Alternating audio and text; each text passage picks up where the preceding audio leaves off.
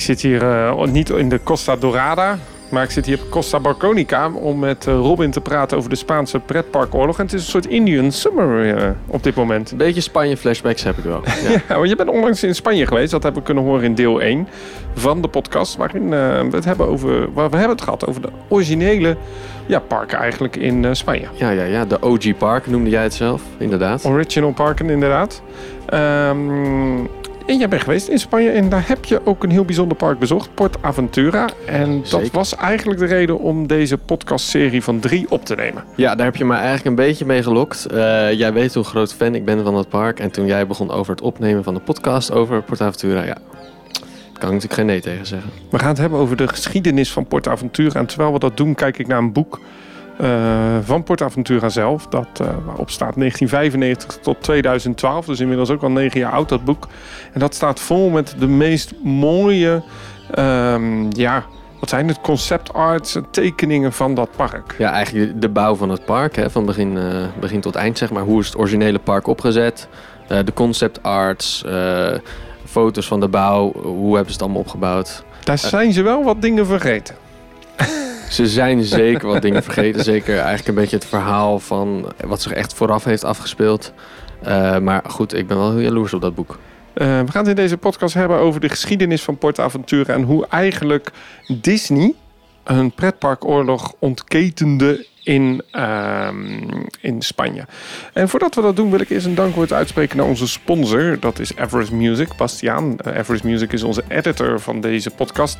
En wil je nou uh, werk van hem horen? Dat kan op uh, Spotify, maar ook op alle andere streamingsplatforms. Want we hebben de Theme Park Science, die album. Oftewel onze soundtracks, die zijn gemaakt door Everest Music. Die kun je beluisteren. het werk van Bastiaan als een soort showcase bij Theme Park Science. Um, Robin, Portaventura. Ik heb het eigenlijk in de vorige podcast ook al gehad over een hele bijzondere foto van jou. Dat jij daar als een klein jongetje stond. Ja, ja, ja. Ik denk dat ik uh, mijn eerste vakantie alleen mocht ik naar Salau. Uh, Salau is natuurlijk bekend van. Nou ja, voor mij eigenlijk niet zozeer van Portaventura, maar wel van de filmreeks Costa. Of de, de, de, ik weet niet of jij dat kent. Nee, nee, nee. Er zit toch een leeftijdsverschil in. Costa was met Katja Schuurman, Daan Schuurmans. Uh, Joey uh, van uh, Pardoes, hoe heet hij? Joey van der Velde, die nu Pardoes inspreekt. Die had er ook een gasrolletje in. En dat was een, um, een, serie die ging over de Costa's. Maar die ging ook over het hele leven van de proppers. Mm -hmm. Het uitgaansleven en alles wat daarbij komt. En ik zag toevallig, ja, vraag me niet waarom ik het keek, maar shownieuws dat er een nieuwe film uitkomt. Met onder andere Katja Schuurman erin. Over de Costa. En ik ging daarheen met Martin een, uh, een longlast uh, vriend. En uh, we gingen daarheen eigenlijk omdat we mochten stappen. We waren 16 en we dachten we gaan helemaal los. Want ja, dat kan wel in Salau. Hè? Dat is toch ja, wel een ja, beetje de jongere spot. Maar ook omdat aan de Costa Dorada, waar Portaventura ligt, waar Salau ligt, ja, dus een pretpark lag. En ja, we hebben de naam al een aantal keer genoemd natuurlijk, Portaventura. En toch heette het niet zo toen ik daarheen ging.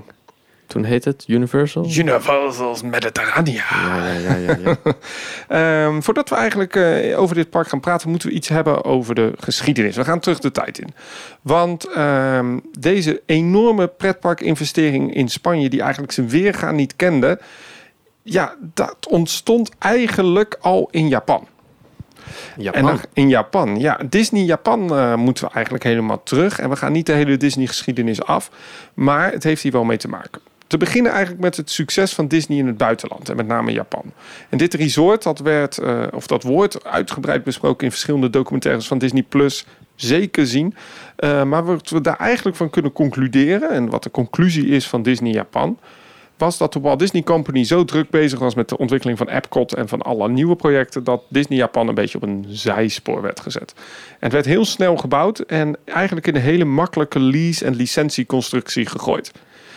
Wat men een beetje vergat is hoe populair Disney Japan was en uh, werd uiteindelijk. En volgens mij was het in het begin heel erg easy money en weinig risico. Um, maar heeft men tot de dag van vandaag spijt dat ze niet 100% van die aandelen natuurlijk in hun macht hadden. En daar was Michael Eisner, die zag dat dit succes zo groot was en dat hij in het buitenland daar best wel wat geld kon verdienen. En die ja. wilde dus uitbreiden elders in de wereld.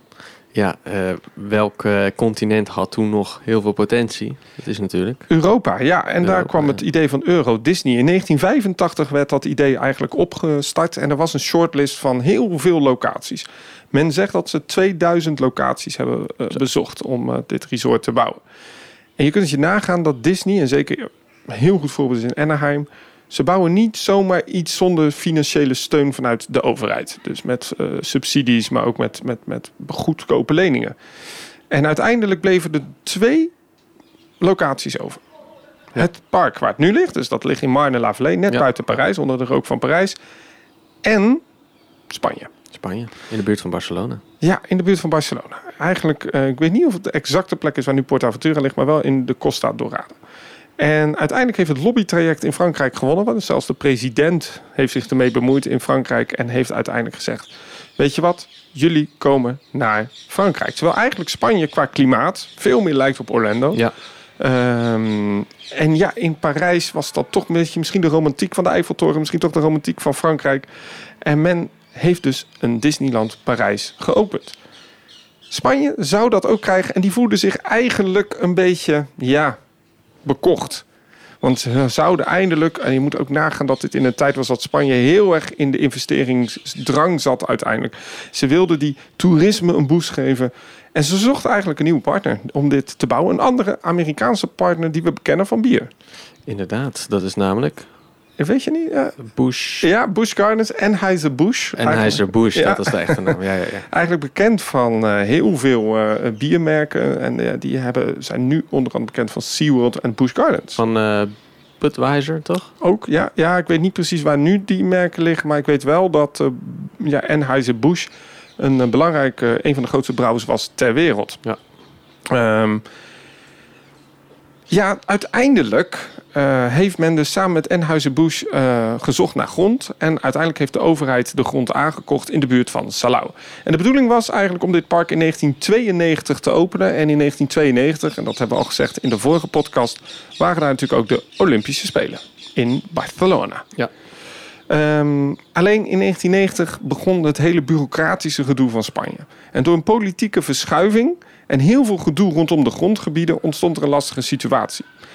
En om dat uit te leggen moet je nagaan dat PortAventura ligt in twee gemeentes.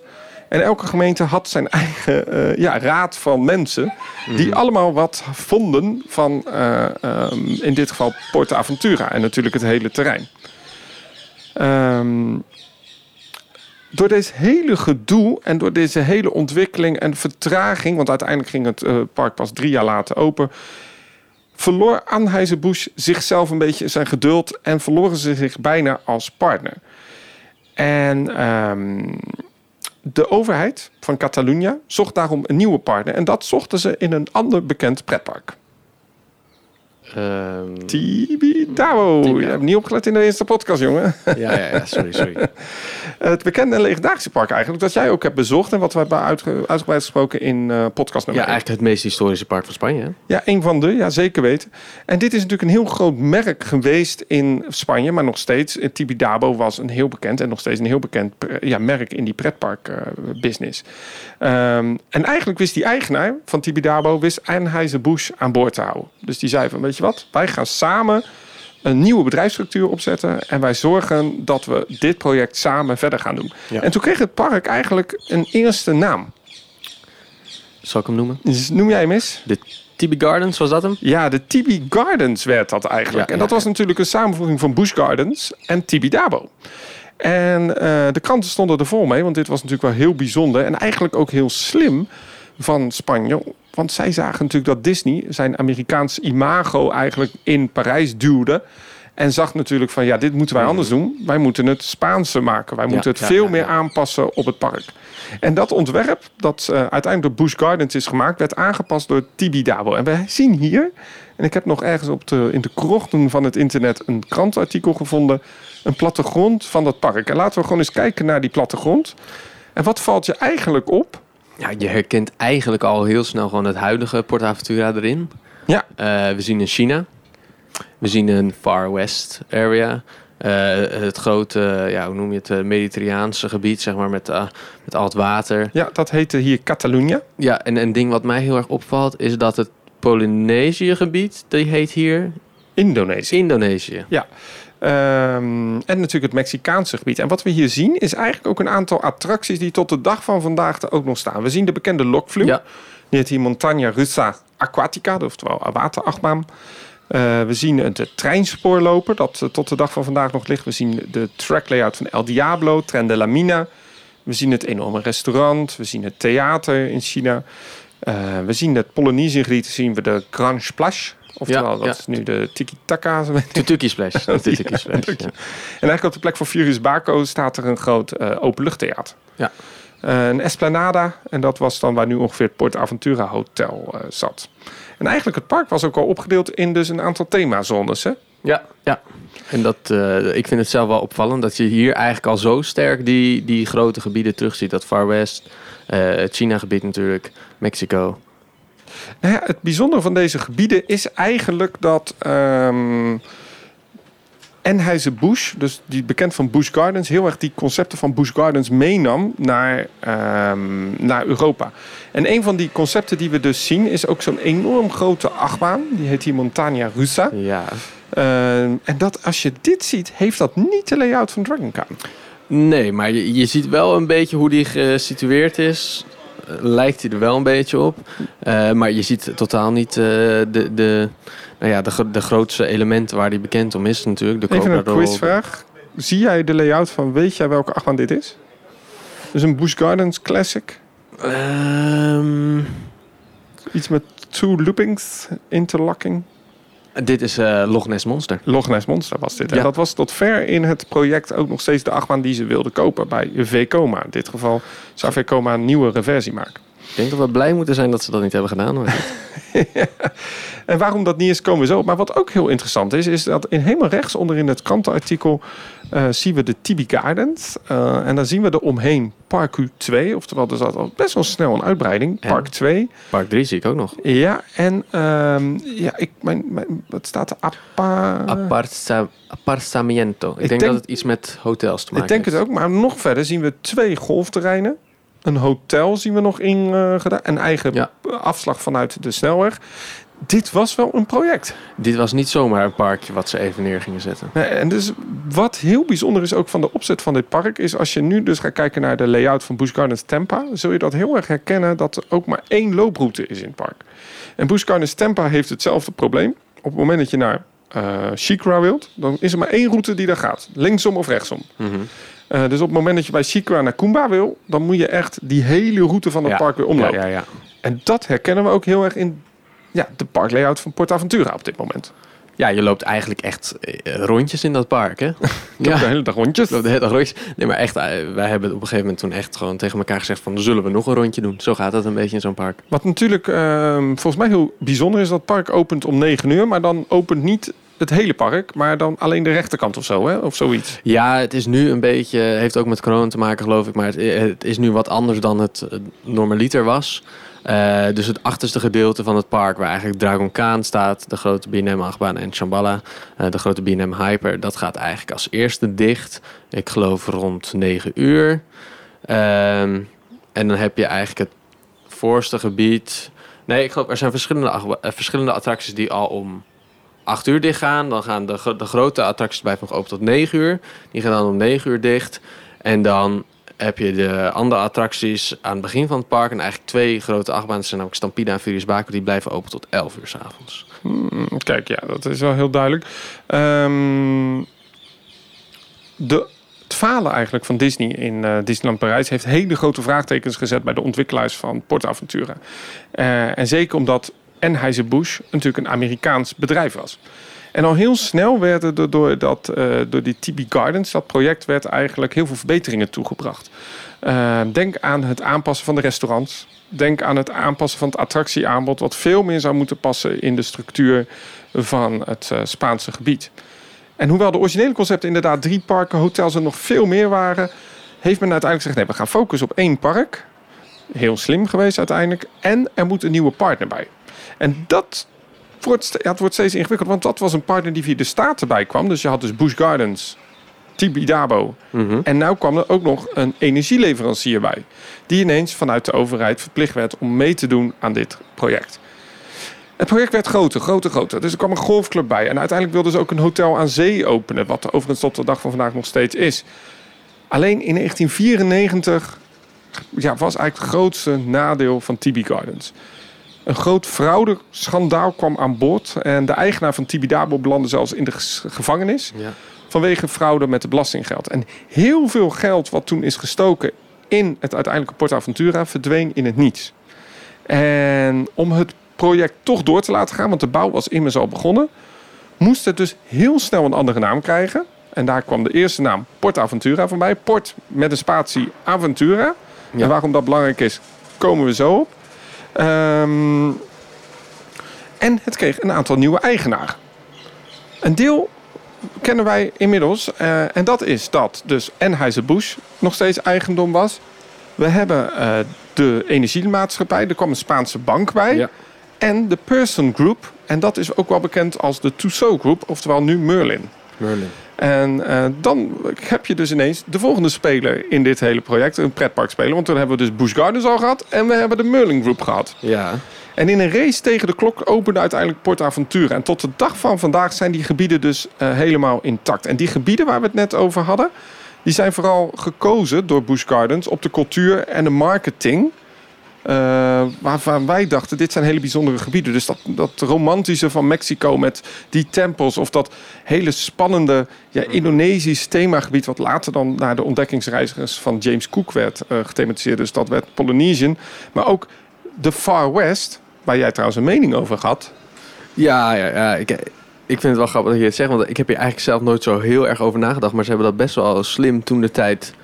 toch slimmer gedaan dan Disney, denk ik. Iets meer op de Europese bezoeker Nou ja, ingericht. ehm, het succes van Big Thunder Mountain en eh de Phantom Manor in Disneyland Parijs wordt ook deels door eh, de Imagineers toegeschreven aan dat wij een hele romantische kijk hebben bij het Wilde Westen. Ja. De Europezen vinden dat Wilde Westen heel interessant. En dat hebben ze ook wel echt tot de max uitgebroken in Port Dat kan je wel zeggen. Het is echt een beetje een cliché geworden tegenwoordig voor een pretpark om een, om een western gebied te hebben. En die in uh, Port Aventura is gewoon gigantisch. Ja. We gaan zo door die eh, gebieden even lopen. Wat, eh, wat vind je daarvan? Toen het park opende, eh, was het een groot succes. Het eerste jaar werden zelfs meer bezoekers verwacht dan men begroot had. En dat is wel interessant, want normaal elk groot project opent met een grote achterstand. Vaak is het een tegenvaller. Zoals ja. Disney. hebben we bij Disney gezien. En een park waar we het nog over gaan hebben. Park Warner viel ook tegen in het eerste jaar. Ja, nou, dit park dat, eh, had 2,5 miljoen bezoekers verwacht. Wat ik overigens best wel een reëel aantal vond. Maar kreeg het eerste jaar 2,7. Hebben ze netjes gedaan. Dat hebben ze netjes aan. Maar dan gaat het mis. Eh, de Tussaud Groep is verkocht aan een investeringsmaatschappij. Dat werd dus later Merlin. En Port Aventura was zo'n asset. Hè, dus zo'n zo'n onderdeel van, de bedrijf, van het bedrijf wat ze dachten, dat moeten we vanaf. En Universal, als eh, een soort aasgier, aaste eigenlijk als een soort ja, aasgier op die aandelen. En waarom? Mhm. Universal en Disney zijn niet de grootste vriendjes. Nee, nee. En dat zien we ook in Amerika. En Disney was natuurlijk al actief in Europa. Dus Universal dacht, hey, Ja, en, en ik denk dat, ja, misschien een beetje gechargeerd gezegd, maar mede door de haat naar Disney was het best wel een, eh, een logische instap. Want ja, er lag eigenlijk voor vrij weinig geld een resort waar ze deels konden overnemen. Althans, die aandelen. Ehm, en toen kreeg het park ook een naamswijziging. En toen werd het Universal, daar kwam ik, Mediterranean. Ja. ja, ja. Later werd dat dan eh, weer veranderd naar Universal's Port Aventura. En later werd het zelfs nog veranderd naar Universal Studios Port Aventura. Ja. Ehm, en overigens, Port Aventura werd dus, eh, of de aandelen daarvan, 37% van die aandelen werden dus eh, verkocht aan Universal. En zo wat dus die bank, hè, waar we het net over hadden, die Spaanse bank, en Anheuser-Busch. En dus ook nu Universal aandelen in dit resort. Het is een Ehm. soort, eh, hoe noem je het? Een, een collab onder de, onder de petpark resorts. Ja, nou, absoluut. Wat trouwens nog wel interessant is, want ehm, de Tussaud groep, toen ze dat dus in eigendom hadden, dit park, hebben een hele belangrijke stempel op het park gedrukt. Ehm, en een van die stempels is dat ze daar een hele bekende Imagineer van de Tussaud groep daar het park eigenlijk snel hebben laten aanpassen. En dit is de man achter Nemesis, Dat is natuurlijk John, Wardley. John Wartley. En die had ook gedacht van... hé, hey, ik werk nu samen met B&M. ik werk nu samen met eh, een paar mooie leveranciers van Nemesis, Oblivion Air. Hè, dat waren allemaal projecten die natuurlijk allemaal Ja, ja, ja. relatief in dat moment eh, ontwikkelden. En die dacht van, ja, ho eens even, waarom maken we hier niet gewoon een record achtbaan in plaats van het Loch Ness Monster? En zo is Dragon Khan uiteindelijk de vervanger geworden van een Vekoma. Ja. Door John Wardley. En hij had ook wel echt, hij heeft een boek geschreven, John Wardley. Ik weet niet, dat is een aanrader om het eens een keer te zoeken. Heb jij hem gelezen? Nou, ik heb delen gelezen, eh, van, bij, bij een vriend ook. En het interessante is, hij had een hele grote mening over PortAventura. Hij zei, toen ik daar dat park, we moesten het zo snel mogelijk openen, viel hem op hoe slecht de keuze was voor sommige attracties. En dat had vooral te maken met de boomstamattractie. En in wat voor opzicht dan? Qua eh, layout was een hele slechte layout. En ook bijvoorbeeld de El Diablo, de Tren de la Mina, de mijntrein van het park, had een hele en heeft nog steeds Heeft een hele slechte layout, ik wil net zeggen, ja. En de bedoeling was ook dat ehm, zowel die Lokflum als El Diablo in een berg zouden worden gebouwd. En dat zou net als een beetje zoals in Europa Park met die Lokflum en die mijntrein.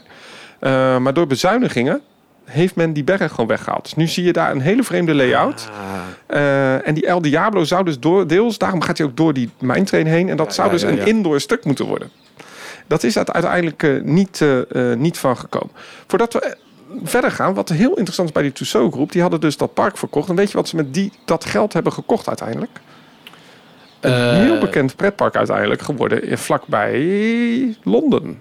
Vlakbij Londen, dat is natuurlijk Tor Park. Thor Park, ja. Dus eigenlijk door de verkoop van PortAventura kon de Tussaud groep eh Thor Park overnemen. En wat was nou het eerste wat ze hebben gedaan om het record van Dragon Con weer terug te pakken? Zeven jaar na opening van Dragon Con was een achtbaan met nog meer inversies. Ja, dat is natuurlijk Colossus. Colossus, ja. Colossus is het antwoord op Dragon Con. Puur en alleen maar omdat ze dus dachten van... ja ho, het record hebben we eigenlijk min of meer in PortAventura liggen met acht inversies. We gaan hem terughalen naar Engeland. Want ik geloof dat Khan heeft acht inversies. Acht inversies, Acht ja. inversies Ja. en Colossus tien Ja. uit mijn hoofd. Dus Ja, ze hebben er gewoon twee bij eh, gedaan. In dit geval met Intermin. hebben ze netjes gedaan. Ehm, Universal, toen ze eigendom waren van het park, had hele grote wensen. Ze kochten, eh, ze wilden heel graag een waterpark, het tweede park openen. Ehm, en Woody Woodpecker werd geïntroduceerd. Dus een aantal eh, characters vanuit de Universal franchise. Nog steeds de mascotte van het park. Nog steeds, tot de dag van vandaag, inderdaad. Eh, ze bouwden eigenlijk mm, twee grote attracties, komen we zo op. En ze kochten eigenlijk, ehm, een, of ze kochten, ze bouwden eigenlijk een aantal nieuwe hotels. En introduceerden in 2001 ook het Europese antwoord op de Halloween Horror Nights. En zo werd het grote Amerikaanse Halloween, wat we natuurlijk vooral kennen hier in de buurt, maar werd ook in Spanje geïntroduceerd met het eerste Halloween-event. En eigenlijk had het eh, Universal enorm grote wensen voor, de, voor, de, voor, de, voor, de, voor het resort. Ehm, en waaronder is er zelfs, zijn er zelfs concepttekeningen online van een tweede park. Wat zou zijn het, het Universal Studios Park, zoals wij het kennen in Hollywood. En inmiddels ook in Orlando en Singapore, et cetera. Alleen de eigenaar van Universal, dat was destijds heette dat bedrijf Vivendi Universal, raakte door de crisis in 2004 bankroet. Het was bijna en verkocht dus PortAventura, wederom weer zo'n buitenlandse asset, via een route weer door. En PortAventura werd dus van de hand gedaan. En die aandelen werden verkocht aan de, een van de originele eigenaren van het park, die Spaanse bank, La Caxa. Ja. Ehm, en eigenlijk kocht die bank zo snel mogelijk alle mogelijke aandelen op. Waardoor het dus ineens een, eh, bijna een Spaans eigendom werd weer. Een soort in- investeringsgroep krijg je dan eigenlijk, toch? Inderdaad, klopt. En in 2005 veranderde de naam daarom ook van Universal's PortAventura naar PortAventura. En nou komt hij zonder spatie. Zonder spatie, ja. En dat heeft dus te maken. Dus als je nu kijkt ook naar het logo wat hier op dit boek staat, zie je PortAventura aan elkaar geschreven. Wel met de Ja, hoofdletter ja, ja, A. En dat is puur gedaan uit licentieredenen. Omdat PortAventura met een spatie nog steeds ligt bij, eh, ja, ja, ja. bij Universal. Ehm, er is wel een leasecontract afgesloten tot 2015, maar die is verlengd. En dat gaat dus om het gebruik van de characters en de namen van bijvoorbeeld de attracties die ze openen, zoals Sea Odyssey of, eh, en, en Templo del Fuego, maar ook de merchandise. Helaas ging het park alleen heel snel bezuinigen op onderhoud. En voornamelijk, en dit is een hele interessante, op watergebruik, irrigatie. Het park ligt een beetje droog, hè, een droge regio ook van, van de wereld. En ze verbruikten zoveel water dat men dus moest gaan bezuinigen op het groenvoorziening van het park. Ehm, En daarna ging het eigenlijk een beetje bergafwaarts met het park. Hè. En ze probeerden het wel. Nieuwe hotels, een nieuwe golfbaan, een, een, een uitgebreid beachresort en een congresgebouw. Maar eigenlijk zat dat toch niet helemaal lekker. En daarom werden in 2009 de aandelen wederom weer verkocht van het park.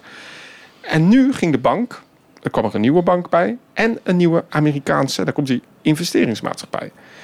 En wat willen investeringsmaatschappijen? Geld, monies. Zo snel mogelijk. En daarom hebben wij op dit moment Sesamstraat. Dat is natuurlijk gewoon een Amerikaanse licentie die ze gewoon hebben gekocht. Want zij dachten Ja. van, hé, hey, wij plakken er een IP op. Even een investering. Hè. Investering, lekker goedkoop. Bezoekersaantallen gaan werven. Lekker iets omhoog. Komen weer wat meer centjes binnen. Nou ja, het lukte, want in 2012 kochten ze eigenlijk de oorspronkelijke aandeelhouder La Caxa eruit. Eh, waardoor die investeringsmaatschappij bijna nu de enige aandeelhouder is van het, eh, van het park. Ja. En die investeringsmaatschappij die heeft in de afgelopen jaren best wel veel eh, plannen aangekondigd. Zo zou er een Cirque du Soleil pretpark komen in 2014. Ehm, maar eigenlijk al die plannen waren door die investeringsmaatschappij alweer beetje op een zijspoor gezet. Want ze konden, en zo gaat het bij investeringsmaatschappij, weer een stuk van die aandelen doorverkopen met een winst naar een andere investeringsmaatschappij. Ja. Dus je merkt eigenlijk dat eh PortAventura een beetje een speelbal is geworden van buitenlandse investeerders. Van die denken van ja, we hebben hier een paar mooie aandelen liggen. En als we die met winst kunnen doorverkopen, doen we dat direct. Mhm. En daarom is het park nu eigendom eh, van KKR. Dat is Colbert Kravis Roberts. En dat is een Amerikaanse investeringsmaatschappij. En zo is onze geschiedenis van het park wel redelijk rond. Dat kan je wel zeggen. Je hebt het uitgebreid beschreven. Dat kan niet anders zeggen. En eh, inmiddels eh, komt de avondshow hier ook langs, denk ik. Ja, ik weet niet wat er gebeurt. Maar Je hoort wat eh, dingen hier op de Costa. we zitten buiten. We zitten buiten, heerlijk. Hey, we gaan het hebben over het park. Ehm, want als we deze geschiedenis nu weten van het park... en al die overnames en al die merken... gaan we dat ook heel erg zien in het park. En ik stel voor dat we gewoon beginnen in de Mediterranea. De Main Ja. Street van het park. Ja, als je eigenlijk binnenkomt in het park, eh, zelfs de entree echt waar je ook een beetje je kaartjes koopt en zo, is ook zo vormgegeven. Ik, vind het, ik heb zelf wat een best wel bijzondere eh, ingang gevonden, want je loopt echt in een soort, ja, hoe noem je het? Winkel, een soort ja. dorpje, winkelstraatje loop je binnen. En dat hebben ze eigenlijk wel heel gaaf gedaan, want die, ja, je staat er eigenlijk helemaal omgeven door, eh, door die gebouwen. En dan op een gegeven moment loop je een poort door en dan heb je dan in één keer dat uitzicht over PortAventura, over dat water daar. En dan in de verte zie je eigenlijk Dragon Khan staan, Shambhala. Eh, waanzinnig uitzicht vind ik zelf. Een van de mooiste entrees eh, van parken in Europa. Absoluut, ja. Ik, eh, ik pak hier ook het boek erbij, je hoort het. Ehm, En ik heb een andere achtbaan nog niet genoemd, maar die bevindt zich ook in dat gebied. En dat is natuurlijk Furious Baco. de Furious Baco, die Intamin Wing Coaster. Ja, die Mediterranea die is ehm, geïnspireerd op de dorpjes van de Costa Dorada en de Costa Brava. En het moet eigenlijk een, eh, een klein ja, eh, vissersdorpje voorstellen. En dat zien we ook wel in die architectuur van het park.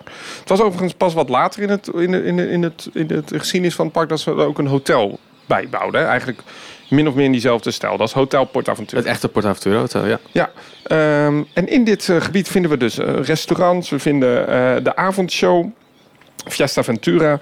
En eigenlijk de achtergrond van het havenstad was is een beetje rotswerk. Dat is, ligt een beetje in het Far West gebied, komen we zo op.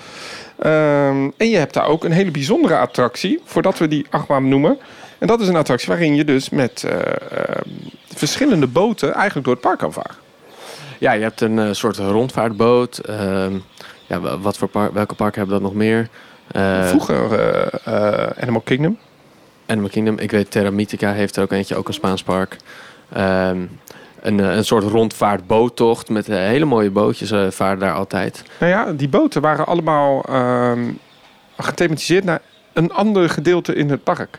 Dus je had een ehm, Chinese boot, Ja. je had een een Mediterraanse boot, je had een, een Wilde Westboot. En die vaarden eigenlijk door het park heen. En dat was best wel uniek. Zeker. En waarom is dat uniek? Omdat het park op een heuvel ligt. Dus je kwam bij het station in China, dat ligt dan op ja, waterniveau. Maar het station lag best wel hoog. Dus ze hebben dat best wel aardig vormgegeven, vond ik altijd. Dat water. Ik vind sowieso het hele park eh, heel mooi vormgegeven. Eh, maar die, die, die rondvaartboot toch, die ze daar altijd eh, hebben slash hadden, ligt er heel mooi bij. Ik weet niet, op mijn bezoek was hij gesloten. Ik weet niet wat de reden daarvoor is. Ik weet niet of dat iets met corona te maken heeft. Maar ja, zeker inderdaad. als, hij, als hij open is, zou ik hem zeker doen. Ja, ik probeer er een beetje voorbij te praten, maar je hebt daar inderdaad Furious Baco. Waarom wil je dat voorbij praten, Danny? Ik, een van de attracties die... Ja, weet je, ik, ik, ik ga die statistieken even opzoeken op internet. Ehm, en als ik die statistieken noem, dan zeg jij van dat moet een goede attractie zijn. Het is een Intamin Het is Lounge eh, coaster. uit mijn hoofd iets van 3 drie, drie seconden, 3,5 seconden naar 130 Ja, ik heb geen idee. Ik zoek het nu op. Het Ja. is een eh, Intamin Wing Coaster, een prototype met hydraulische lounge. Eh, ja, iedereen die een keer een hydraulische lounge heeft meegemaakt, weet dat dat eh, best krachtige lanceringen kunnen zijn. Ehm, Hij gaat 135 km per uur in 3,5 seconden. ja, 135. Een van de snelste eh, achtbanen ook langere tijd op het continent Europa. Later overigens ingehaald door hun eigen Red Force. Ik geloof toen eh Furious Baco opende, was het volgens mij de, Een van de snelste zelf. een van de snelst, in ieder geval accelereren, accelererende achtbanen eh, van Europa. Het bijzondere is dat dit ook echt een achtbaan is, hè, als je de layout ziet.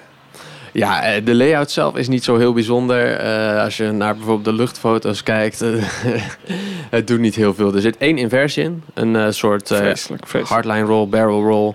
Maar echt, dit rammelt zo aan alle kanten. Ja, wa- wat ik al zei, het is een prototype. En dat merk je. Eh, ik zei ook al een keer tegen jou, Danny. Ik kan me soms niet voorstellen hoe Intamin dit toen de tijd heeft opgeleverd. Dat ze gewoon zeiden dat ze een paar proefritten deden. En dat ze zeiden, ja, zo is wel prima. Eh, het is een ruwritje, laten we het zo zeggen. Wat mij opvalt aan deze eh, attractie, deze Furious Baco, die is geopend in 2007. En als we dan gaan terugkijken in de geschiedenis van, de, van het park, dan zien we dat dit echt geopend is in een moment dat natuurlijk het park net door allemaal investeringsmaatschappijen werd overgenomen. En ik merk een beetje dat dit ook zo'n goedkopere investering is in het park. Want ik vind de wachtrij. Het is op een wijngaard, dat is nog best wel netjes. Maar de wachtrij, de layout, het, de, de voorshow in die achtbaan. Het is allemaal net niet, hè? Maar de achtbaan zelf ligt er wel heel mooi bij, vind ik. Ja. Hij past mooi in het gebied. Eh, ik vind het station, ja, het is niet heel bijzonder, maar hij staat er wel heel mooi. Wat ik ontzettend jammer vind, en ik ga die opmerking daar over een andere achtbaan in het park ook maken. Het is zo'n wonderschoon vissersdorpje. Het ziet er zo mooi uit. En dan hebben ze er zo'n lelijke bocht van een achtbaan doorheen gegooid. Door dat, door dat meer. Ik, eh, Ah, ik ben het er niet helemaal mee. Ik vind dat hij er best wel, best wel mooi staat. Het is geen lelijke achtbaan. maar hij rammelt. Hij rammelt gewoon heel erg. Je merkt, het is een prototype. En ik, ik kan me best voorstellen dat voor zo'n park, dat een prototype, dat dat een mooie financiële kans is. eh. maar je merkt gewoon dat dat ding niet helemaal goed ontworpen is. Het is ook de enige wingcoaster van Intamin in die vorm die, die ooit is gebouwd. En dat is, dat is denk ik met een reden. Want de lancering, begrijp me niet verkeerd, de lancering is echt heel goed. Echt een van de beste lanceringen die ik ooit heb meegemaakt. Zeker voorin. Hij blaast je echt weg. Eh, maar de rit zelf is vrij ruw. Op sommige plukken, stukken lijkt het wel alsof je over stenen rijdt. Eh, zeker een beetje naar achter in die trein. Wordt, hoe verder je naar achter zit, hoe ruwer die eigenlijk wordt. Eh, je kan er best wel met hoofdpijn uitkomen. Polynesië. Het rechter gedeelte. We gaan er gewoon rechtsom lopen. We, we, we slaan overigens het treinstation over hoor. We gaan niet alle attracties langs. Eh Polynesia is eigenlijk een, eh, een, een gebied wat een beetje een identiteitscrisis had. Het was eerst Indonesië, later Polynesië. En nu inmiddels is het ook deels vervangen voor Sesamstraat. Ja, Sesame Aventure. Of... Ja, ehm, het is dus gethematiseerd op die ontdekkingsreis. Er stond overigens ooit, en ik heb hem wel eens gezien, een Vekoma Kontiki. Dus zo'n ehm, eh, ja, topspin die niet over de kop gaat. Dus eigenlijk zo'n bank die heen en weer schommelt. Ehm, ook dit is wel weer een wonderschoon gebied. Hè? Met watervallen, met een van de mooiste splash- en eh, splash-attracties in de wereld. Ja, eh, het is een prachtig gebied, echt waar. En, ja, ik kan me echt wel voorstellen dat ze een hoop geld kwijt waren aan het onderhouden van al die planten en bomen en vegetatie. Want Mhm. het is echt zo dicht begroeid daar. Het is echt heel gaaf. En eh, je merkt gewoon, er is super goed over nagedacht. Je hebt daar inderdaad Tutuki Splash, eh, grote Intamin eh, Mega Splash. Die echt heel mooi ligt daar op een soort vulkaan. Ja, ja toen de vulkaan nog werkte wel. Maar voor mij heb ik dat ook nooit echt werkend gezien. eh. ja, ik weet niet wat het is met vulkanen in pretpark, maar op de een of andere manier eh, houden ze het nooit zo lang uit. Eh, de vulkaan zelf ziet er nog best wel goed uit, alleen inderdaad, hij spuwt geen vuur meer. Iets wat ook aan te raden is in dit gebied zijn de shows. Ze draaien daar een grote vogelshow. Ik heb die nog nooit gezien. En een show die ik zelf zeer vermakelijk vond was de dansshow die... ehm, ja, waar allemaal dansers eh, op een strand stonden te dansen. Ik vond dat nog wel leuk. Ik liep er langs. Ik dacht, nou, dit is wel vermakelijk. En het had wat uh, moderne Het geeft wat sfeer. Het geeft wat sfeer, inderdaad. Um, als we dan die rondvaartboot zouden volgen, dan zou je uitstappen in China. Ja. En dan kom je misschien wel het mooiste gebied uit van het park. Want ik vind de opbouw van het Chinese gebied wonderbaarlijk mooi. En dat begint eigenlijk beneden in de haven van Waitan. En Waitan is een, een, een stad dat ligt aan de Yangtze, dus de rivier. En uh, het station van die boot waar je uitstapt moet eigenlijk een beetje het keizerlijk paleis voorstellen. Het is ongelooflijk mooi, dat gebied. En dat ligt heel erg in een soort ja, S-bocht richting Dragon En daar liggen wonderschoon mooie attracties. Hè? Een, een, een, maar niet bijzonder, maar wel mooi. Niet bijzonder?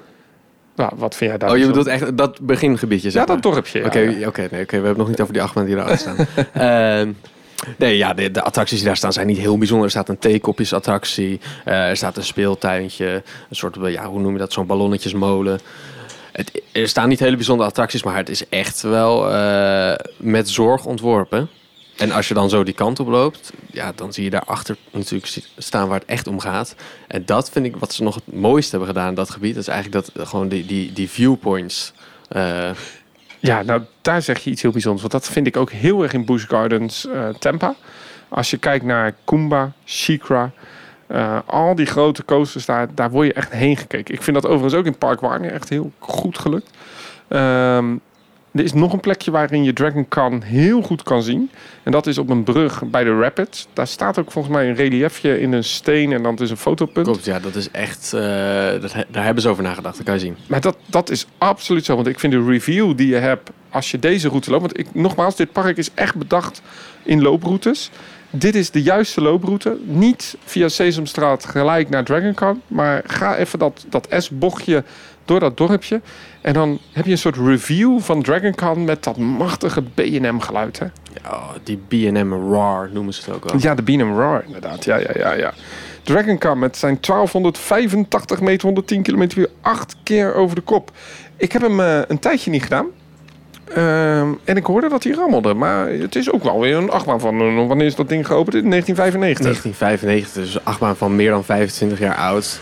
Um, komt even een scootertje voorbij. um, ik had inderdaad hetzelfde gehoord. Men vertelde mij ook van, nou, die Dragon Khan die is wel ruw geworden. En ik had ook wat Spanjaarden gesproken die mij vertelden dat uh, Dragon Khan niet meer de soepelste achtbaan was. Uh, maar hij verraste mij eigenlijk. Ja? ja, ja, Ik, vind, ik, ik heb hem uh, een paar keer gedaan. En zeker voorin, dan gooit hij hem voor mij in die Zero G review. Zero G review, dat is Pieter. Ik ja, doe de Zero G roll. Al die namen. Uh, Zero G roll, dan gooit hij wel lekker in, hè? Nou ja, wat ik zelf gewoon heel gaaf vind aan die oude B&M achtbanen... is dat die inversies gewoon net even wat snappier zijn. Dat zit zo krap op elkaar allemaal, zo intens. En die, ik vind zelf die, die Zero G-roll die erin zit... een van de beste elementen, een van de beste inversies in Spanje. Um, zeker voorin, dan ramt hij daar gewoon doorheen. Ja, hij is zo goed, ook die interlocking corkscrews, waar kennen we dat van? Kumba. Kumba natuurlijk, ja. ja, ja, ja. Um, absoluut te, te, te, maken door John Wiley, die echt de taak kreeg van Tussaud in de ontwikkeling van het park om naar die Loch Ness monster te kijken. En die dacht, nee, dit kan, dat kan beter. Dat kan beter. Het was een ontzettend unieke achtbaan. Een, een achtbaan die jarenlang het hoogtepunt was van het park. Maar absoluut het toppunt. Het vlaggenschip. Het vlaggenschip. En wat doet PortAventura? Die bouwt er gewoon een achtbaan op. Ja, ja Want dat ja, is letterlijk ja, gebeurd.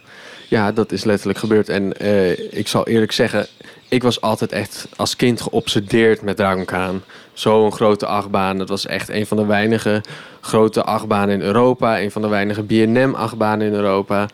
Ik was altijd groot fan van deze baan. En ook omdat het zo'n imponerende achtbaan is. Hè? Ja. Echt, echt een vlaggenschip van het park. En toen ik eenmaal hoorde dat ze er een B&M overheen gingen bouwen, toen dacht ik, wat?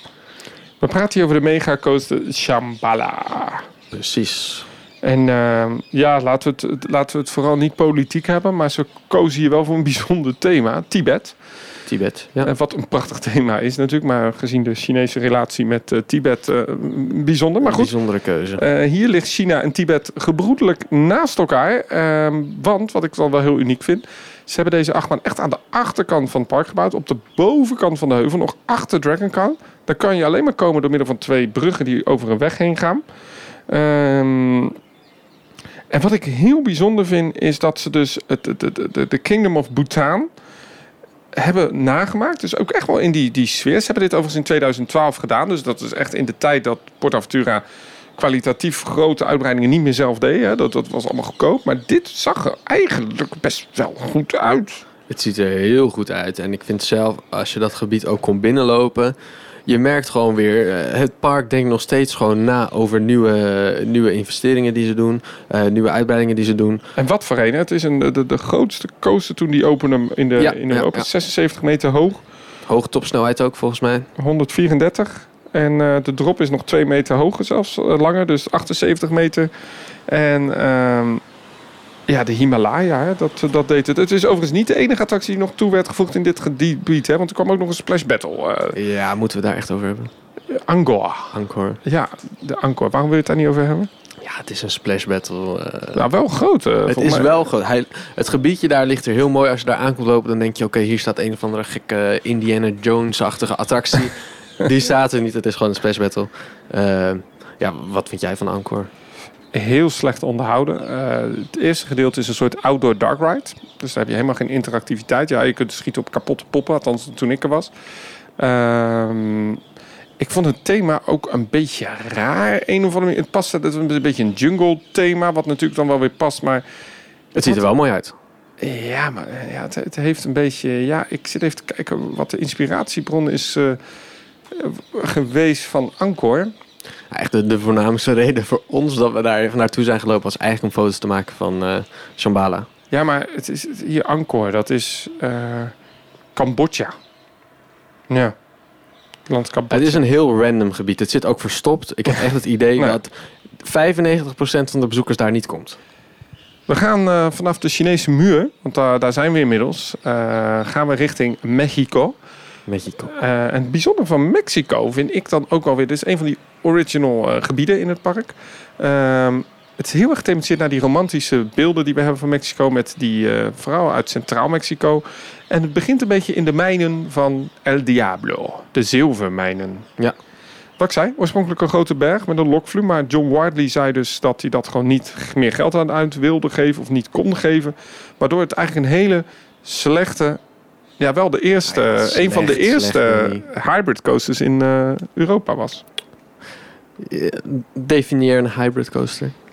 Eh, ja, goed, gaan we die discussie. Staal en hout, goed. Eh, ja, El Diablo. Ik vind het niet per se een hele slechte achtbaan. Het is wel een achtbaan waarvan je denkt van wie heeft dit ontworpen. ja, het is Lift Hill the Ride. Lift Hill the Ride. Drie lift hills. Die ook echt naar elkaar zitten.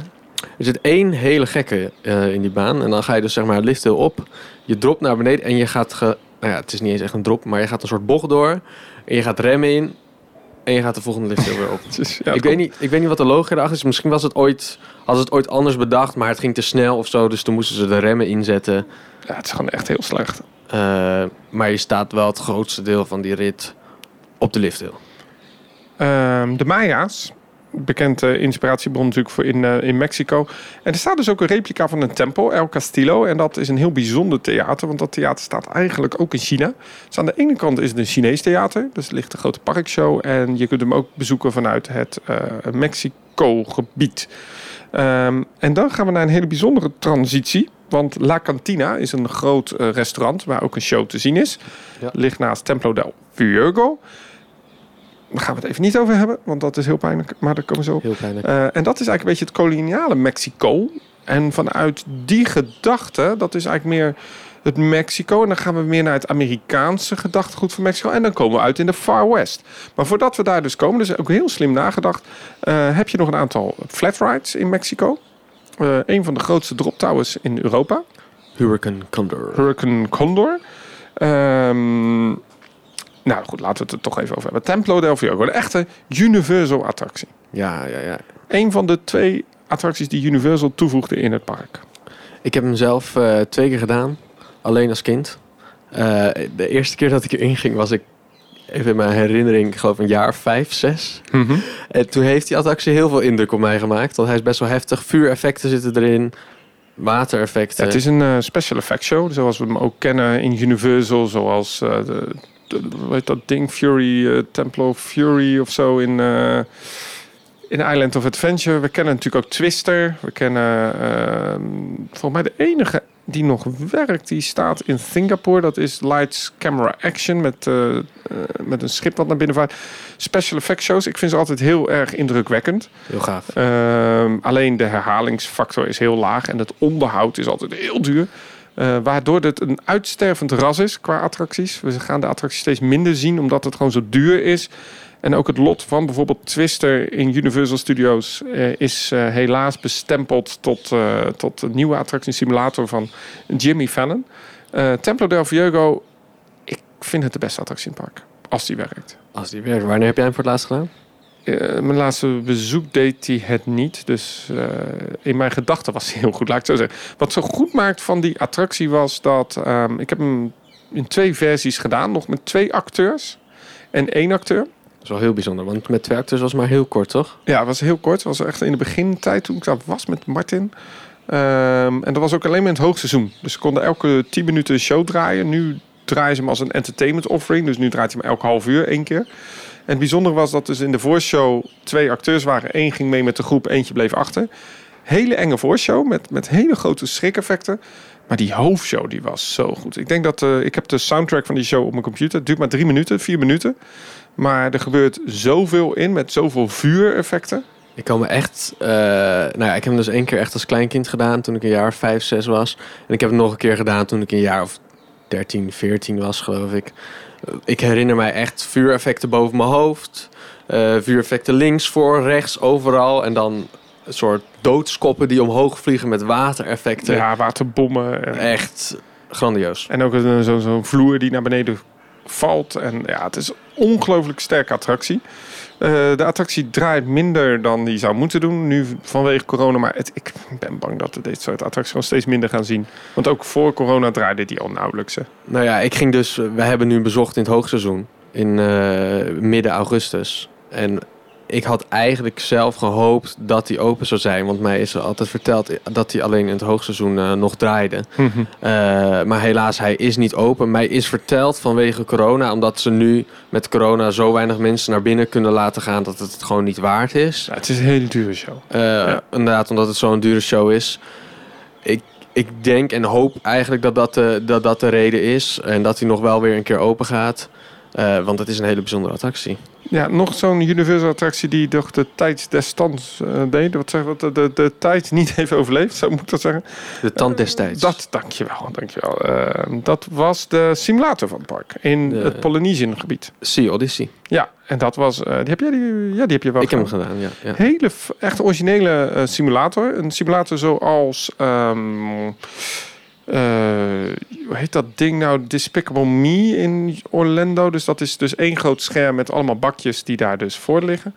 Eh, ik, uit mijn hoofd had die twee zalen. Een hele sterke voorshow en een hele sterke wachtrij. Ehm, thematisch ontzettend goed met een hele originele film van een dolfijn.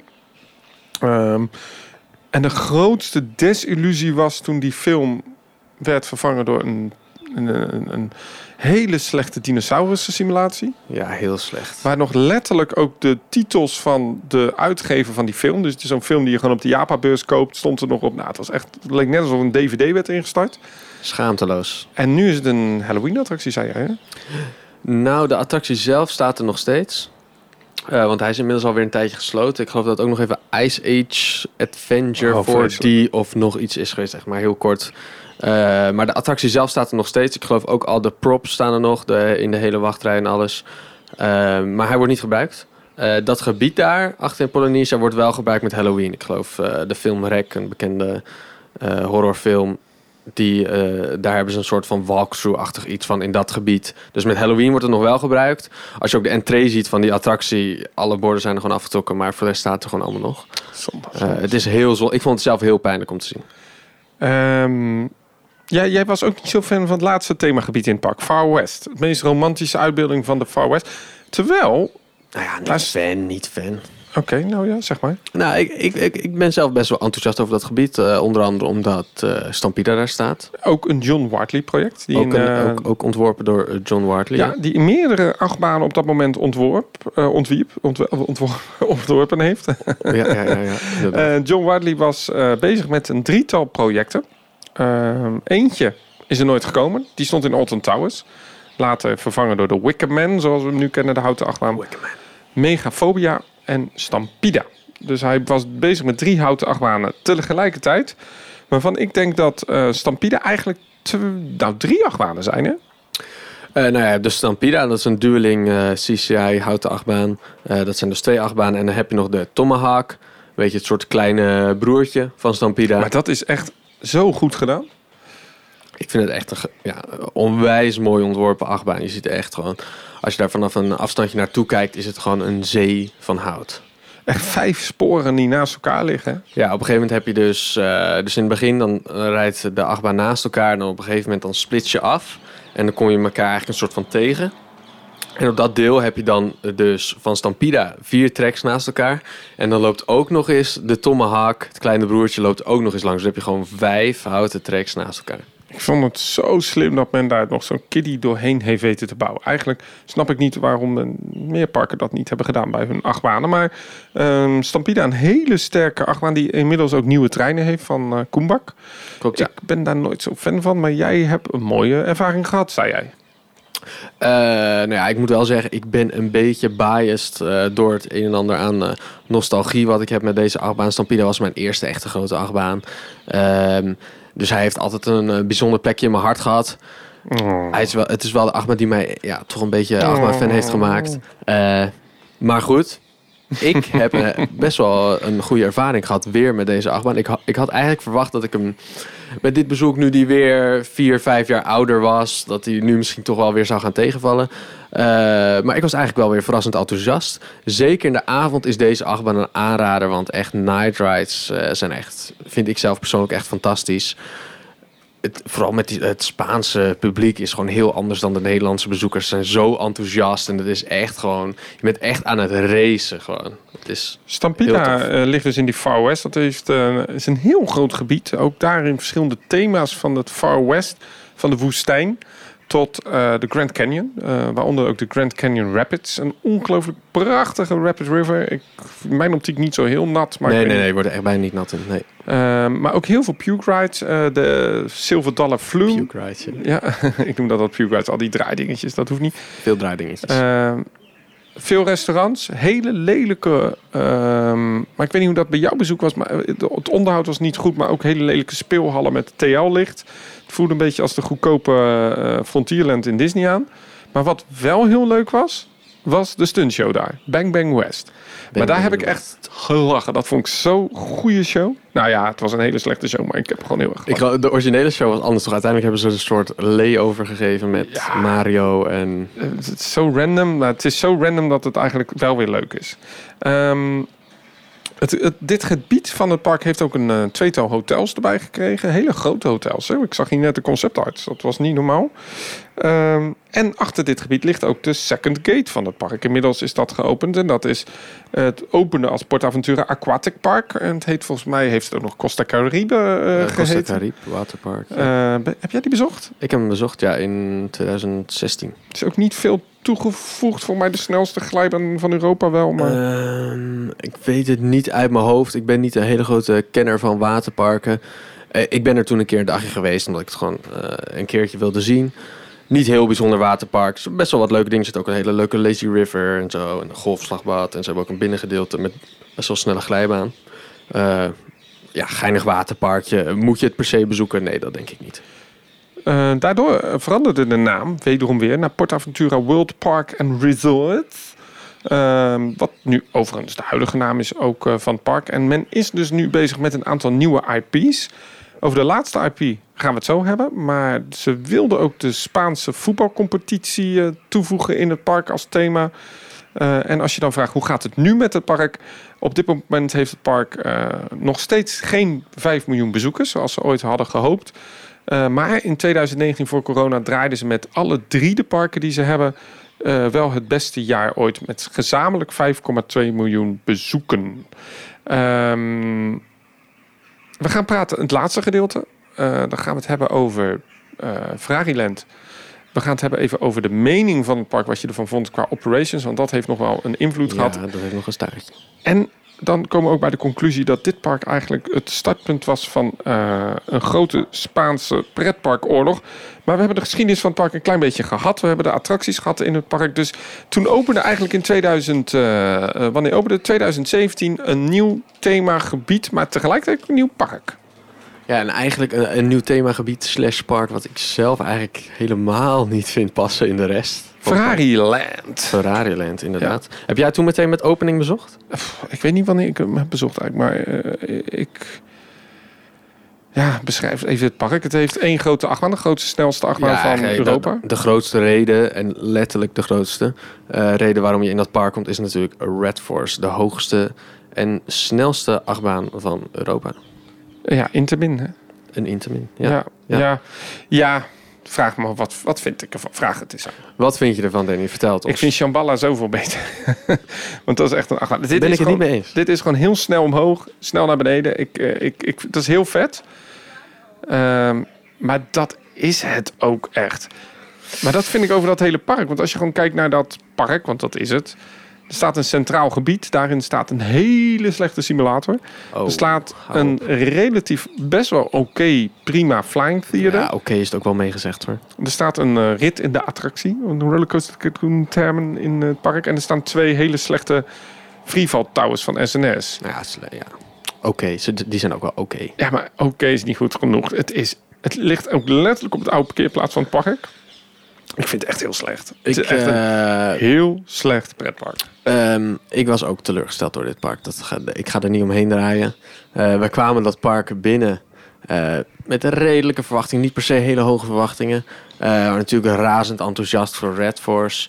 Eh, en toen we dat park binnenkwamen zagen we gelijk al een gigantische rij bij Red Force staan. Gewoon een rij van dik twee uur. We gaan het hebben over de operations in eh PortAventura. Maar nog even, Oké, oké, oké. even over het park zelf. Even over het park zelf. Ehm, Red Force, daar kom je voor.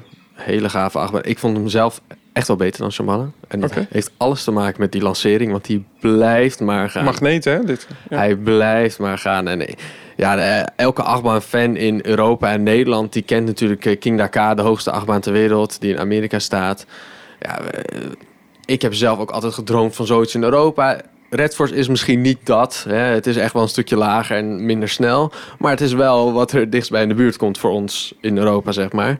Ehm, ik vond het onwijs goede achtbaan. Omdat hij, die snelheid, hij blijft maar gaan. Hij blijft maar gaan. En echt, ik had het tijdens de lancering het gevoel dat ik gewoon... eh, Ik kreeg geen lucht meer. En Je krijgt ook een brilletje op, hè? je voor- krijgt- ja, voorin krijg je ook een brilletje op. En pas bovenin op die tophead, echt als je helemaal naar boven bent op eh, dik 100 meter, kon ik pas weer een beetje adem eh, halen. En voordat ik het wist, raasde ik alweer met de noodgang naar beneden. Ik vond hem echt heel gaaf. Jij sliep in een resort, Costa Caribe volgens mij, of zoiets. Nee, eh, welk resort sliep jij? Costa Carib Hotel. Ja, toch? Ja. En dan had je, voor, ik, je had ieder geval een foto met uitzicht op die eh Ja, ja, vanuit Costa Carib Hotel heb je heel mooi uitzicht op de Red Force. Dus dat domineert wel, hè? ja, de Red Force domineert heel erg. En ergens is dat heel gaaf natuurlijk, hè, om zo'n gigantische achtbaan in de achtergrond te zien. Eh, maar ja, zoals ik zeg, het, het vloekt een beetje met de rest van het park. Ik weet niet wat jouw mening daarover is, maar gewoon dat hele Ferrari in dan zo'n heel mooi ontworpen, beetje mediterraans park. Ja, Nou, wat ik, ik vond het echt een themagebied. En ik dacht van, toen men dit opende, waarom moeten ze een second gate hiervan maken? Puur en alleen maar om het geld. Ja. En het is echt gewoon een themagebied. Eh, wat vinden we van het park? Weet je wat? We gaan eerst luisteren naar een voice clip van Erando. laten we dat eens doen. Hey, ik ben Irando en ik was twee weken geleden in Portaventura. En eerlijk gezegd, ik had een fantastische tijd. We hebben geslapen in het hotel El Paso, dat is een eh, hotel van het park zelf. En we hebben bij ons verblijf voor een redelijk goedkope prijs van rond de 90 euro drie dagen expresspas kunnen kopen. Wat we dachten dat echt fantastisch zou zijn. Maar dat bleek dan uiteindelijk niet fantastisch. Maar het park is echt super ontworpen. Het is zo'n mooi park. En ook wat ze aanbieden van achtbanen en andere attracties is echt super. Maar dat is het eigenlijk. Want het park wordt zo slecht gemanaged. Het personeel is onvriendelijk, ze werken niet door. Super slechte operations. De regels van het park die elke dag veranderen. En dan kom je eigenlijk bij de expresspassen. Wij hadden dus expresspassen voor drie dagen. En wij dachten, oh, we gaan veel ritjes kunnen doen. Maar het park was heel druk. En ik heb echt het gevoel dat ze expres proberen de wachtrij lang te maken om nog meer expresspassen te verkopen. Want ik had gewoon het gevoel dat iedereen een expresspas had. Die rij wordt echt immens lang. We hebben denk ik één keer bijna 50 minuten aangeschoven bij Shambhala met onze expresspas overdag. Je laat eigenlijk mensen betalen om een leukere dag te hebben, maar die heb je dan eigenlijk niet. En ook de operations in het park zijn verschrikkelijk. Ik heb uh, met de, de, app Dispatch Timer een paar keer de, ehm, de capaciteit gemeten. En ik heb gewoon bij Shambhala ook maar 800 man per uur soms gerekend. Ik dacht van, hoe kan dit? Op onze tweede dag zijn we naar Ferrariland gegaan. En eigenlijk is dat gewoon een groot fiasco. Want wij stonden dus om 10 uur aan de ingang. En om 11 uur gaat het open normaal.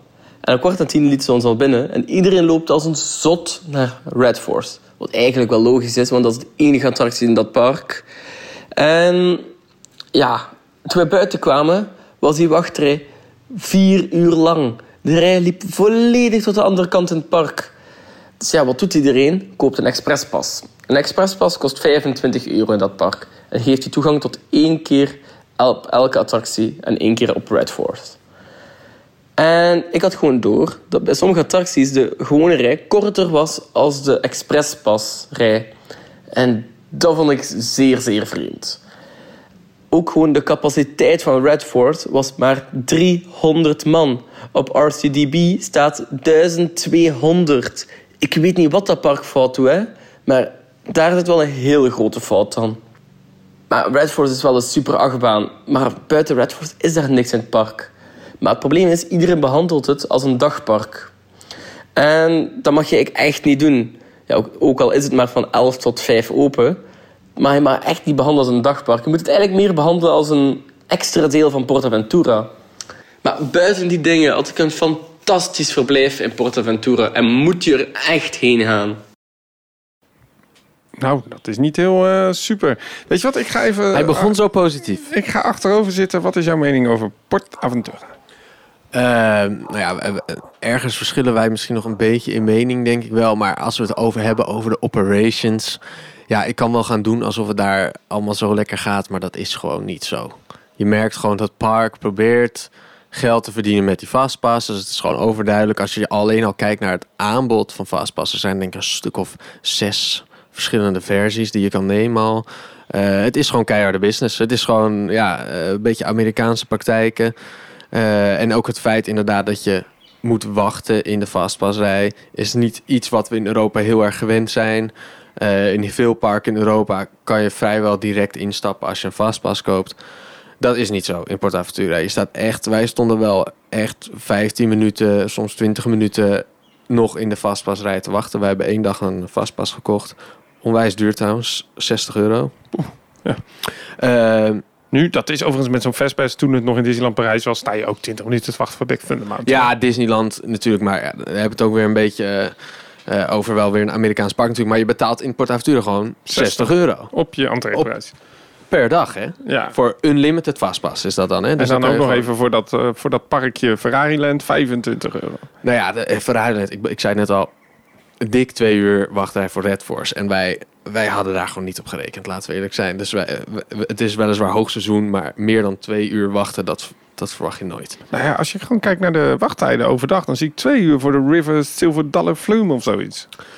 Uh, ja, maar hier moet wel wat bij gezegd worden. Uh, de wachtrijen worden overdreven in Port Aventura. Om Fastpass te verkopen? Ik denk inderdaad om meer Fastpass te verkopen. Wij hebben echt een aantal keer... Want overal staan die machines, hè? Ja, ja, overal inderdaad. Eh, ik zeg het is keiharde business. Uh, maar in dat park, toen ik daar de eerste dag binnenkwam, toen schrok ik onwijs van de wachtrijen. Wij dachten toen even in de, de, eerste avond nog even naar binnen te hoppen. En stond er een wachtrij van twee uur voor Furious Baco. En toen dachten we, nou, wat is dit? Oh nee, hier gaan we, weet je wel. En het was Joey, de jongen waarmee ik was. Het was zijn eerste bezoek en ik zag hem echt gewoon teleurgesteld ja, kijken. En ik dacht, oh, ik ben de hele tijd zo enthousiast geweest over dit park. En ik zag de teleurstelling in zijn ogen. Uh, ja, de operations zijn niet best in dit park. Ik heb een hele slechte ervaring daar gehad, ook bij Stampida. Dat uh, wij stonden in de normale wachtrij. En op een gegeven moment werden er gewoon karretjes leeg gehouden. En ik vroeg waarom. Voor de quickpass. En er stond niemand in de quickpassrij. Ja, maar dat is volgens mij dus niet waar. Want Nou, wij, hebben, gezien. wij hebben ook een operator aangesproken. Want inderdaad, bij Stampida houden ze dus rijen leeg. Ehm, maar wij zagen dit alleen toen het rustig was. Dus als het druk was, vulden ze hem wel helemaal. Eh, als het rustig was, dan lieten ze vaak twee rijen leeg. Ja, maar waarom? Nou, dat hebben wij dus gevraagd. En toen is dus ons het volgende verteld.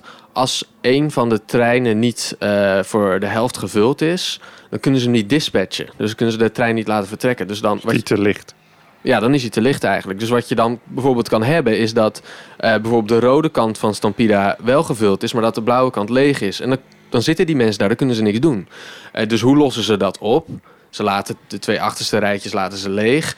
Eh, en zo zorgen ze dus eigenlijk voor dat ze eigenlijk halve treinen vullen, zodat ze kunnen blijven dispatchen eigenlijk. Ik heb wel echt nachtmerries in dat park gehad. Met eh, David was ik.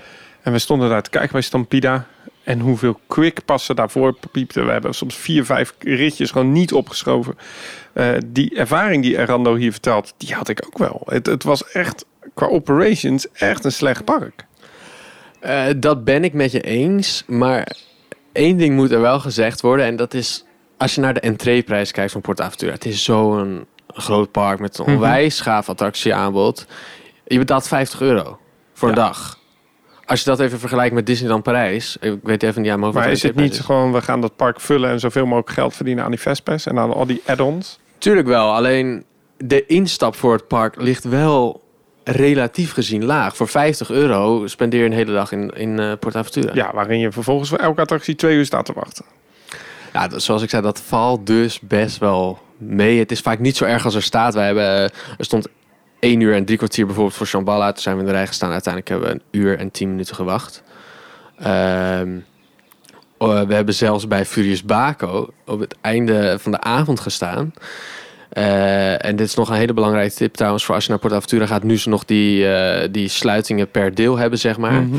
Als jij op het laatste, voor de last ride of the night gaat, zeg maar. Dus op het allerlaatste moment die wachtrij ingaat. Wat je dan krijgt, ze sluiten de wachtrij. Dus de vastpaslei, die, is ook dicht. die, die is ook dicht. Die loopt leeg. Ja. Dus wat krijg je dan? Ineens draaien ze volle capaciteit. Dus er stond gewoon een wachtrij van twee uur bij Furious Baco. En we hebben maar een half uur moeten wachten. Dat is een beetje een trucje wat in Disney World bijvoorbeeld toen de Fastpass Plus er nog was, eh, ook heel erg goed werkte.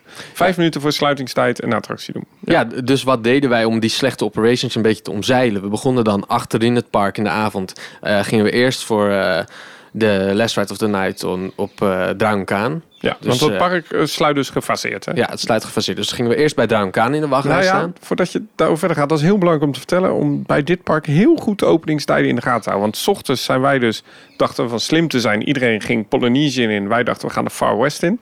Far West ging pas open om 11 uur. Ja, dat moet je echt wel even in de gaten houden. Het gaat niet allemaal tegelijk open. Nee, dus je moet echt de app of de website goed in de gaten houden. Ja, maar wat ik dus zeg, als je dat richting het eind van je bezoek slim doet. Dus wij hebben dan nog Dragonkaan gedaan. Dan stonden we echt maar 10 minuten, kwartiertje te wachten. Echt in middenhoogseizoen. Dat is echt helemaal niet lang. Nee. Eh, omdat er gewoon de vastpasrij was gewoon leeg. Toen gingen we naar Shambhala. Eh, net voordat de wachtrij dichtging, eh zijn we nog naar binnen gegaan. Hebben we ook maar... Nou, er stond een wachtrij van dik anderhalf uur. Ook één uur, drie kwartier. En we hebben toen misschien maar 40 minuutjes gewacht. Nou, vervolgens ging Shambhala dicht. Toen zijn we naar... eh, toen zijn we dus naar het Far West gebied Mhm. gegaan. Stampido. En naar Stampida natuurlijk. En Stampida moet je echt doen in de avond. Echt ja, want hij is heel... eh, onwijs leuk. En echt, het, je hebt het gevoel gewoon alle gekken in PortAventura komen naar Stampida op dat tijdstip. want het is zo'n leuke sfeer en echt fantastisch. Eh, maar die wachtrij staat dan ook eh, leeg. En als je geluk hebt is de vastwasrij ook leeg. Dus kan je gewoon... We hebben echt gewoon zes ritten achter elkaar in Stampida gedaan. Hoef je bijna niet te wachten. Toen zijn we daarna nog... Naast Flinke wachtrij trouwens, dus dan ben je wel... ja, je moet even een rondje rennen. Eh, toen zijn we daarna nog snel naar Furious Baco gegaan. Echt eh, een paar minuten voor elf. Want dan sluit daar ook de wachtrij. Dus toen zijn we eh Furious Baco ingegaan. En er stond dus een wachtrij van twee uur. En we hebben maar een half uurtje hoeven wachten. Wat ik wel heel erg heb dan bij dit park. ik hoor, oké, prima, ik hoor jou, hè, de, de deels eens. Ik krijg dan zo'n eh, voice clip van Erando, mijn ervaring. Maar ik hoor zoveel mensen die klagen over die operations in PortAventura. Kunnen we samenvatten dat dat ook te maken heeft dat het park nu eigendom is van zo'n investeringsmaatschappij? Quick money. Eh, ik denk dat dat er wel wat mee te maken heeft. Ehm, je merkt ergens gewoon inderdaad, eh, het is in handen van de investeringsmaatschappij. Ze proberen gewoon, ze proberen gewoon geld te verdienen. Ja, punt. Ja, dat doet natuurlijk elk park. Maar bij dit park ligt het er net even wat meer bovenop. Eh, ik, heb, maar ik heb ook wel eens ergere verhalen gehoord van andere parken. Bijvoorbeeld uit Cedar Point, waar je gewoon een uur in de, in de fastpassrij moet wachten. Eh, het kan altijd erger. Eh, het is wel een beetje waar PortAventura bekend om staat. Ik zou wel Ja, willen ja, zeggen ja. van... Laat je hier niet door afschrikken. Je moet dit niet als een reden zien om helemaal niet te gaan. Ehm, samenvattend, laten we het even concluderen. Ehm, of jij moet nog tips hebben voor je bezoek aan PortAventura. Zeg ze vooral in jouw, eh, in jouw slotconclusie. Maar ehm, kan ik concluderen dat het park qua opzet een van de mooiste parken is die we kennen. Dat het qua attracties heel tof is. Maar dat het park een beetje verziekt is door al die overnames. En dat het een beetje stilstaat. Dat is mijn gevoel in ieder geval. Je zou het een beetje zo kunnen concluderen. Alhoewel er toch nog wel hele gave toevoegingen zijn geweest in de laatste jaren. Als je kijkt naar Shambhala, Redford. Er gebeurt echt nog wel wat in dat park. Ja. Maar je merkt wel een beetje alsof de ziel een klein beetje weg is soms. Hè? Ja, of het originele Het idee, dat dat niet echt lekker werkt en dat men toch de IP's ingooit als Sesamstraat, als Ferrari, als nu dadelijk die Spaanse voetbalcompetitie. Ja, en wij liepen op een gegeven door het Mexico-gebied. stond ineens Shrek daar. Dat je ook dacht van, wat? Oh, dat is Wat bijzonder. doet, wat doet Shrek hier? Ja, ja, ja. ja, ja. Eh, nee, ja. Als we, als, ja. als we gaan concluderen over Port Aventura, het is gewoon een waanzinnig mooi park. Ik vind het zelf een van de mooist ontworpen parken ooit. Met een van de beste achtbanen line-ups in Europa. Iemand vroeg mij laatst, Robin, wat is nou het ziekste park van Europa? En dan komt Port Aventura bij mij toch echt heel snel naar boven. Het is gewoon een onwijs gaaf park met heel mooi attractieaanbod. Als we het hebben over de operations, het is gewoon niet best. Eh, als je er naartoe gaat, hou er rekening mee dat je, dat je voor een dag een vastpas koopt. Eh, Ja, wat overigens ook echt in het laagseizoen zo is. Hè? Want toen wij er waren, David en ik, was het echt laagseizoen. Het was het eerste weekend, week dat het open was, het park. eh Shambhala maar één trein. Ja, nou heb ik gehoord van een local die daar geregeld komt, echt zijn homepark is, dat de operations dit jaar een stuk beter zijn geworden. Eh, dat is natuurlijk het nadeel hè, van heel veel meningen. Is je, je geeft een mening op het moment dat het park nu is. ik ja, zeggen, exact. Dus eh Shambhala reed gewoon op drie treinen. Alleen, het is, zijn wel verhalen die je vaak hoort over PortAventura. Nee, zeker, zeker. Kijk, ik, ik ga die, die operations echt niet goed praten. Het, het, het, het moet gewoon beter. Ik hoop dat het ooit beter wordt. Ehm, maar goed. Ik vind- Last minute tips nog voor het park. La- Last tips. Eh, zoals ik zei, die belangrijkste tips is gewoon dat gefaseerde sluiten, zeg maar, pak daar je voordeel mee.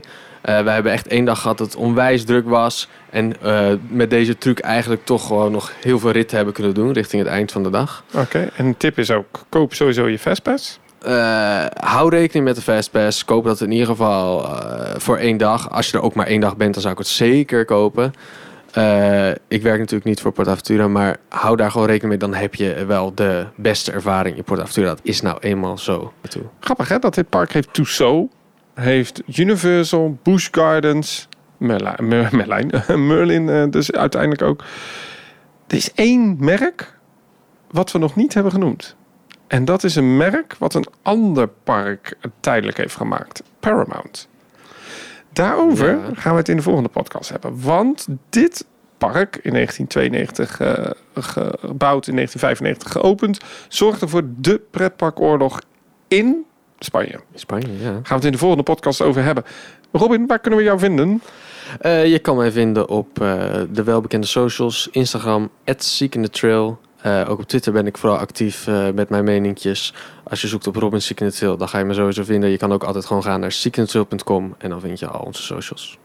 En daar heb je Discord-service en een WhatsApp-groepen. Ja, ja alles kan je allemaal joinen. Gezellig gaan we Engelstalig. Engelstalig. Wel Engelstalig, dat moet Ja. erbij gezegd worden. Nederlandstalige en Engelstalige documentaires kun je vinden op themeparkscience.com of .nl. Want dan kom je uit op onze YouTube-pagina. Deze podcast is dan ook een verlengstuk van de video's die je ziet. Uh, we bespreken hier nog veel meer. Binnenkort dus deel 3 van deze miniserie. Tegelijkertijd uh, vind je dit nou leuk? Ga dan naar de Apple Podcast app. Rate ons met 5 sterren. Download ons. Volg ons op Instagram. En ik hoop... Uh, nou, ik heb, de zon gaat onder. Zullen we even gewoon Dos Cervezas uh, even lekker uh, serveren? Doe, doe maar maar een uh, cerveza, Danny.